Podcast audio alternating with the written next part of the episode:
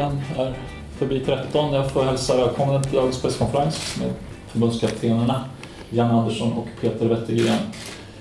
Eh, passa på tillfället här också att tacka svensk media för gott samarbete på fältet i Ryssland. Det kräver sin man och kvinna att göra det arbetet också. Vi har varit nöjda med samarbetet. Jag vill också meddela här och nu att efter den här presskonferensen idag så kommer det vara semesterstängt eh, för Janne med flera så att eh, de som sen vill komma åt Janne och andra i ledarstaben så är det efter semester, det vill säga i augusti. Så att vi passar på tillfället här och nu. Och eh, när det sen blir frågor efter det här så väntar jag på mikrofoner som det är livesändningar. Och med det sagt lämnar jag med varm hand ordet över till Janne. Tack så mycket. Ehm, känns ju lite speciellt att vi sitter just här med tanke på att det är faktiskt 48 dagar sedan som, som vi inledde den här VM-samlingen, 23 maj. Då hade vi också presskonferens här nere, så att det har hänt lite grann på vägen får man säga.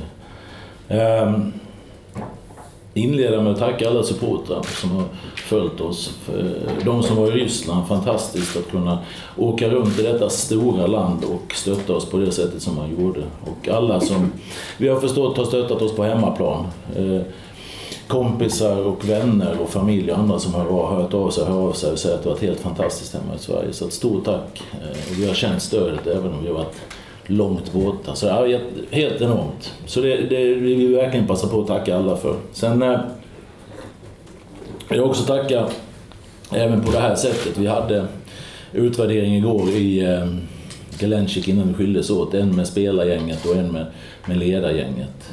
Eh, är man uppe i 48 dagar så eh, då kan det lätt bli lite gnissel med många människor.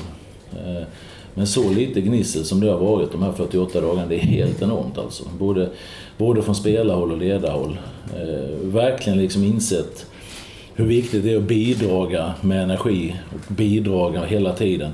Sen har man några dåliga dagar, det, på 48 till och med jag hade någon som jag sagt, men då går man och lägger sig för sig själv och vilar en stund och sen kommer man tillbaks med ny energi. Och det är så det har funkat hela tiden. Så att, en väldigt stor del i att vi har lyckats hyfsat på planen har varit att vi har haft den här stämningen och mentaliteten och den gemensamma attityden i allt vi har gjort. Så att, eh, enormt glad för det, för alla mina kära kollegor och för spelarnas inställning och attityd.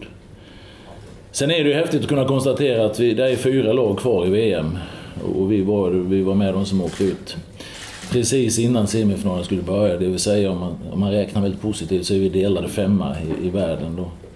Och det tar nog ett litet tag att liksom smälta in den totalt. För att det är ju inte så att vi har haft tur och flyt och allting har rullat på väg tycker jag heller. Utan vi har, vi har, vi har faktiskt förtjänat den här femteplatsen om vi säger det. Och det är med enorm stolthet och glädje jag kan säga det. Det är fantastiskt bra gjort på det sätt killarna har genomfört det. Och vi tillsammans allihop.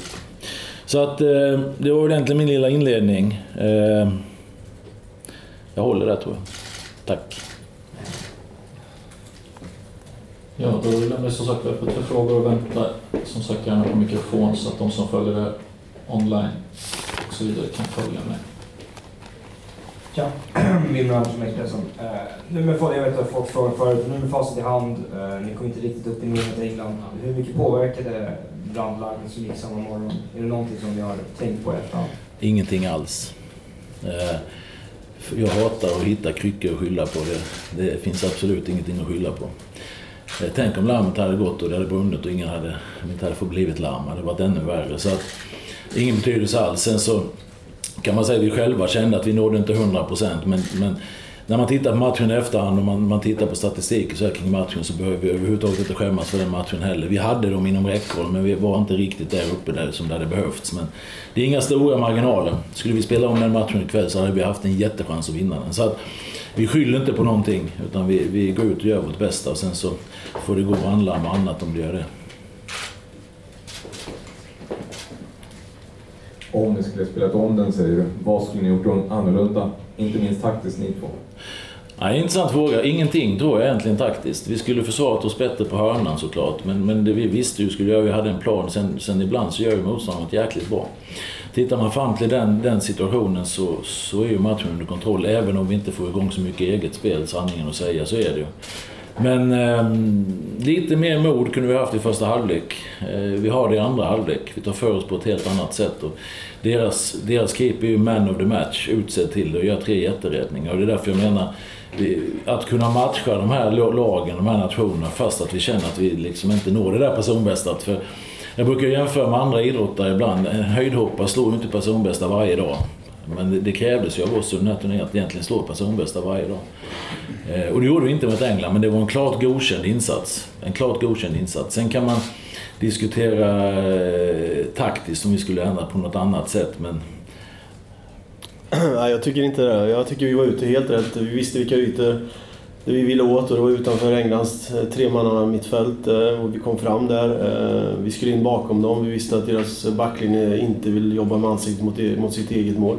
Vi visste att det skulle bli väldigt få målchanser. England har varit, eh, som vi själva, väldigt strukturerade i sitt försvarsspel. Vi skapar 300-procentiga målchanser och ska man vinna de här matcherna i en kvartsfinal i VM så behöver man göra mål på dem.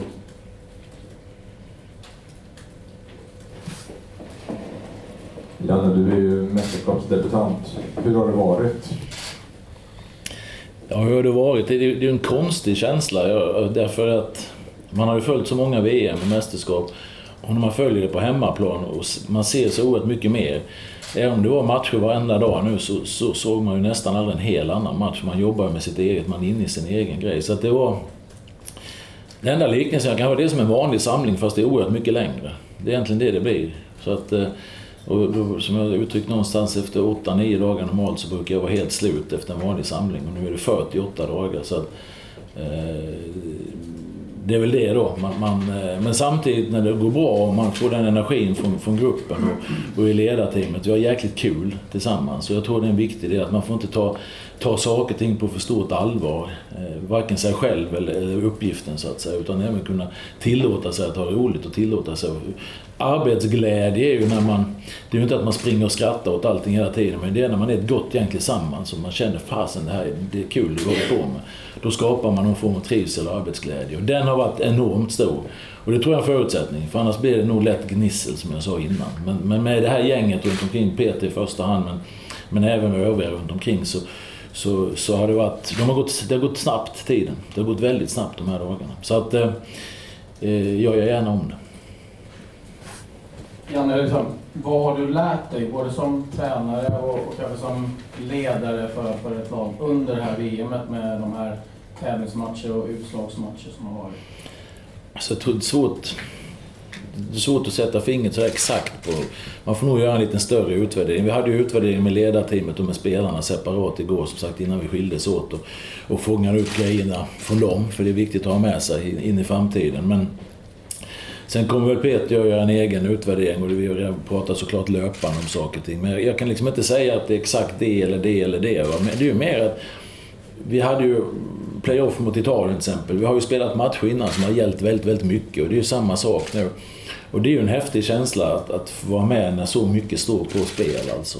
Den är, den är brutalt häftig att få vara med Men det hade jag ju varit innan också. Sen, sen lärdomar jag det får vi ta lite på, på ett annat sätt. Jag kan liksom inte säga exakt si eller så. Mer än att det är ju erfarenheter. Man samlar ju erfarenheter. Man lär sig nya grejer. Det kommer nya grejer. Men, men det är väldigt mycket detaljer, smågrejer sådär som man, man bygger på sin erfarenhet med. Mer än kanske att det är de här jättestora sakerna som, som har varit några lärdomar den här gången. Jag tycker också att man utvärderar och analyserar ju efter såklart nu. Men man utvärderar och analyserar ju varje dag.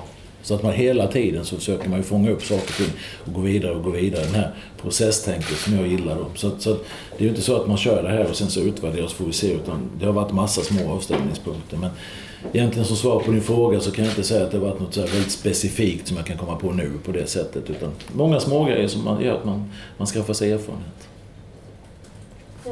De här dagarna direkt efter förlusten, hur har det, hur har det känts? Gick det direkt över från besvikelse till stolthet eller hur har det känts? Det man pendlar i det tycker jag. Man, man pendlar från att, att eh, redan samla spelarna på planen, för det var så många som var så jäkla ledsna att jag ville påminna dem redan där ute att, att det vi har gjort är bra. Sen ska vi vara ledsna nu och besvikna, men det vi har gjort är bra ändå. Det ska vi ha med oss och sen vill jag att vi skulle tacka, tacka våra supportrar på ett jättebra sätt tillsammans också. Det var därför jag samlade ihop spelarna där. Men sen Sen är det ju som när man pratar som jag på fasen, alltså vi, vi, vi har dem inom räckhåll. Vi har dem inom räckhåll och det, det gör ju lite ont i en när man tänker så. Men samtidigt så kan man inte gå omkring och vara besviken i det stora hela heller. Så att det, det, blir, det blir blandade känslor. Blandade känslor är det. Men, men visst, det hade ju varit roligt att vara kvar. Det kan man ju säga. Apropå det, eh, jag vet att du inte gillar att gå händelserna i förväg men ditt kontrakt har bara två år kvar. Eh, har ni börjat prata någonting mer om det? Vi har varit på VM nu, så det har vi inte gjort. Utan, eh, jag har eh, ett kontrakt som inleddes för två år sedan och som sträcker två år till och det, det är liksom det som gäller. En del spelare tackar troligen för sig efter det här. Hur, vad är det för landslag vi kommer få se i september? Ja, alltså, då vet du mer än vad jag vet. Kanske. Kanske. Det vi har bestämt, jag har bestämt med alla spelare att jag kommer ha en kontakt med dem här nu de kommande veckorna och ge en feedback, en återkoppling på hur VM har varit. En personlig sån till varje spelare och då kommer vi också prata saker som framtid med en del och så vidare. Så får vi ta efterhand. Så att, eh, och efter det så får vi börja fundera på nästa, nästa samling så att säga. Vilka som är kvar eller inte är kvar, om alla är med eller någon lämnar. Så, så att för mig är det bara spekulation än så länge. Utan jag kommer ta det nu i kommande, den här veckan och nästa vecka kommer jag ha de samtalen. Och sen så får vi utvärdera tillsammans, jag och Peter, var det hamnar någonstans. Jag vet att det förmodligen inte var centralt för dig, men eh, ni fick en ganska saftig bot från Fifa några dagar innan matchen för några strumpmiss, tror jag det var. Hur, eh, hur såg du på den saken? Nej, så jag tycker det var onödigt. Det är aldrig bra om man får böter. Sen var jag inte inblandad i processen så jag begrep inte riktigt vad det var, men liksom vad felet var. Men det är ju ingen som tycker det är bra att vi åker på böter. Självklart inte. Sen är det en fråga som liksom inte ligger konkret på mitt bord att hantera så att säga. Men, men eh, självklart jättetråkigt och onödigt. Kan du eller någon annan förklara exakt vad? Granqvists strumpor? Eller jag uppfattar inte heller.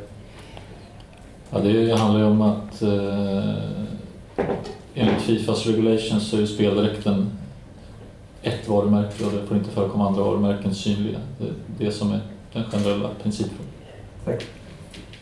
Ja, men när det gäller de som eller, när det gäller de som då hade funderingar, det var ju fyra stycken i mixen. Granen sa nog, jag vet inte man skulle tolka det, men han sa att han skulle ta snack med dig och höra hur du, hur du och han tänkte på det. Måste de liksom på något vis committa sig för två år eller kan, man, kan ni ta hösten och sen, just med tanke på att han flyttar hem till Helsingborg, det är ju en stor omställning. Nej, alltså jag är ganska öppen i det fortfarande kring, kring och varje... Jag brukar alltid säga att man ska ha grundregler på något sätt, en grundinställning, men sen måste man också ha en flexibilitet. Och jag tror vi måste ha en flexibilitet. Men det kan hända grejer på vägen. Det hände här under det här kvalet, vilket man nästan har glömt. Nu när vi pratade om det innan idag, jag och Peter, om Oskar Wendt till exempel, som klev på, men sen så märkte han att Eh, det var inte så som han hade tänkt sig. Då valde han att kliva av halvvägs in i kvalet. Med, med all respekt, på ett snyggt och prydligt sätt. Så att man kan liksom aldrig lämna några garantier, utan det måste finnas en flexibilitet för de individuella önskemålen. Men vi, vi, jag vill liksom inte förekomma det nu egentligen, för det, det är precis så som jag säger. Att vi, jag, det jag sa till killarna igår när jag kramade om dem var att vi hörs av nu och så pratar vi i lugn och ro när det här är över. En annan sak, det var flera spelare som uttryckte soppatorsk. England, de hade ju en väldigt lätt match mot Panama, de kunde vila nästan hela laget mot Belgien. Hur stor påverkan hade det tror du? hade säkert påverkan och jag tror spelarna själva, och vi, vi kände väl själva också att vi, vi, vi är där igen det här tjatet om personbästa. Vi kommer inte riktigt dit och det berodde ju inte på att det var dålig inställning, att man inte ville eller något sånt. Utan det fanns inte de där sista procenten. Och så, så kan det ju vara oavsett. Ibland är, kan man ju spela matcher väldigt tätt och det ser jättebra ut hela tiden. Och ibland så kommer en match där det inte är så bra. Det är väldigt individuellt, olika för olika spelare och så vidare. Men det är klart att Englands möjlighet att, som de kunde göra, tror jag gjorde att de hade mer kräm. Trots att de hade en förlängning faktiskt innan. Så, så kanske de hade lite mer kräm i kroppen de här dagarna. Och sen så är det ju också att vissa spelare hos oss har ju inte haft så här enormt mycket speltid heller. Va? Och då gå in och spela så tätt som det blir, eh, det kanske sliter lite mer. Tittar man alla spelare i, i, i eh, Englands trupp spelar i Premier League.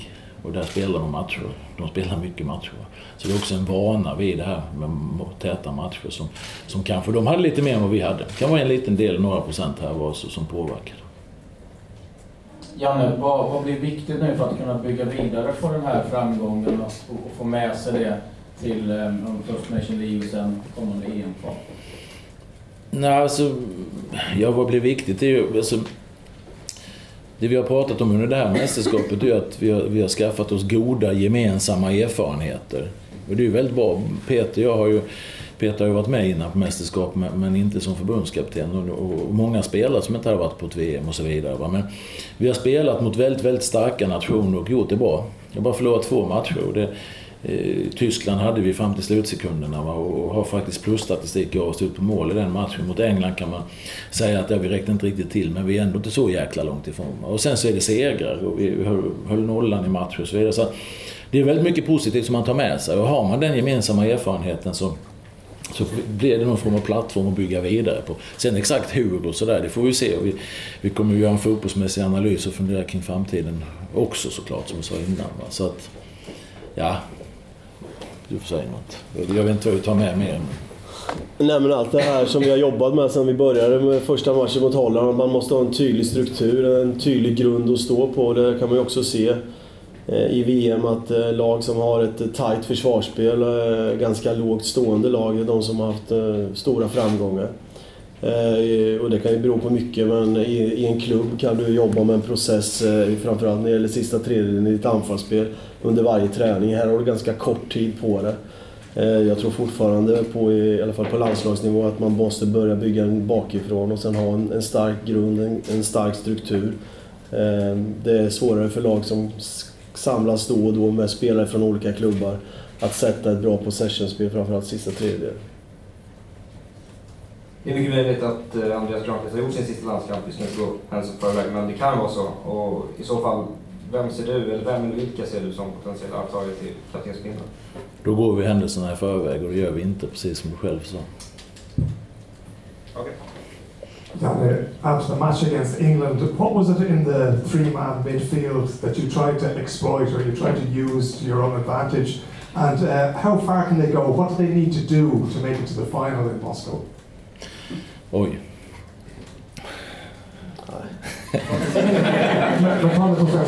jag, tar, jag tar det på svenska då. För nu huvudet är inte insläppt på engelska. Jag orkar inte börja om med det.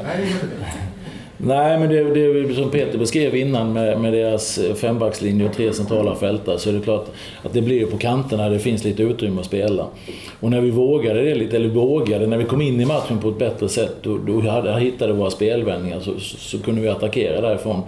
Sen gjorde vi inte tillräckligt bra i första halvlek, men jag tycker som sagt det är flera gånger i andra halvlek där vi gör det väldigt bra. Det är ju något jättefint av anfall som Viktor Claesson avslutat till exempel. Så att det är ju där ytorna fanns Eh, mot, mot England. Sen är de väldigt duktiga på att täppa till om man inte gör det tillräckligt snabbt. Eh, sen vad det gäller rent generellt med England då, ja. Det är fyra lag kvar. Jag tror, jag, jag tror nästan vem som helst kan vinna av de här. Jag tror England har, har lika stor chans som de andra faktiskt. Jag, alltså bygger du en väldigt stark struktur, en stark organisation och ett, snabbt, ett starkt man säger, lagmaskineri som jag tycker England har gjort och som, som vi själva tycker att vi också har lyckats hyfsat med. Då, så, så har du, du har en väldigt bra grund att stå på. Så att jag, jag tror nog att de kan vara med och såklart lika gärna som någon av de andra tre. Sen har de, England har ju också en ganska bra mix. Eh, vi pratar om det att eh, jag tror Southgate har tittat väldigt mycket på, på Conte i Italien, eh, EM i Frankrike när han byggde det här eh, trebackslinje eller fembackslinje, kalla, vad du, kalla det vad du vill.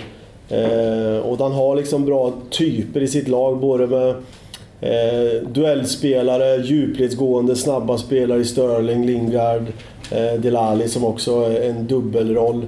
Eh, Harry Kane som är en, en väldigt duktig boxspelare. Så att, jag tror England blir farliga för att eh, de har en oerhört bra struktur, en bra grund att stå på. Eh, Janne, inför det här mästerskapet tittade ni bakåt en del på hämta erfarenheter. Kommer ni, eller vad kan ni göra för att det inte ska bli en 94 baksmälla? För då då levde man kvar lite väl mycket i den sommaren som man varit och så. Eh, alltså mitt och Peters sätt att jobba det är ju processinriktat, att hela tiden gå vidare. Och det är därför jag menar också nu att vi har redan under det här mästerskapet liksom processat saker och ting på väg. Och nu, nu är det ju, nu ska vi få vila några, några dagar och veckor men sen är det ju full fart framåt och inte hänga kvar i det här. Jag har sagt det innan, va? då är då. Eh, och, och, då kommer VM 2018 kommer verkligen vara då. Utan sen är det nu, då är det en ny höst och då ska vi in och tävla i, i Nations League. Och sen så har vi en spännande lottning, eh, ett EM-kval som börjar nästa år, lottningen 2 december eller någonting. Så det är verkligen, det är bara att mata på framåt. Och det är mitt sätt att jobba så jag, kan, jag kommer inte göra på något annat sätt än vad jag har gjort hela resan hittills så att säga utan att jämföra med hur det var, hur det var 94 någon annan gång. Utan vi, vi måste framåt, vi måste vidare. Det som har varit ska man lära sig någonting och ta med sig erfarenheter av. Men sen, sen måste man framåt. Man kan inte hamna, bli fast i gammalt. Oavsett om det är bra eller dåligt så ska man inte fastna i gammalt. Utan det gäller att dra lärdomar och sen gå vidare verkligen. När jag släpper ner Expressen här så tar vi två sista frågorna sen och så kommer Jan och Peter finnas tillgängliga en liten stund här efteråt också. Eh, er fantastiska resa inbringade en del pengar till förbundet. Jag tror det är runt 6 miljoner eller någonting. Tycker du att pengarna bör användas? Hur ska man fördela dem? Oj. ja.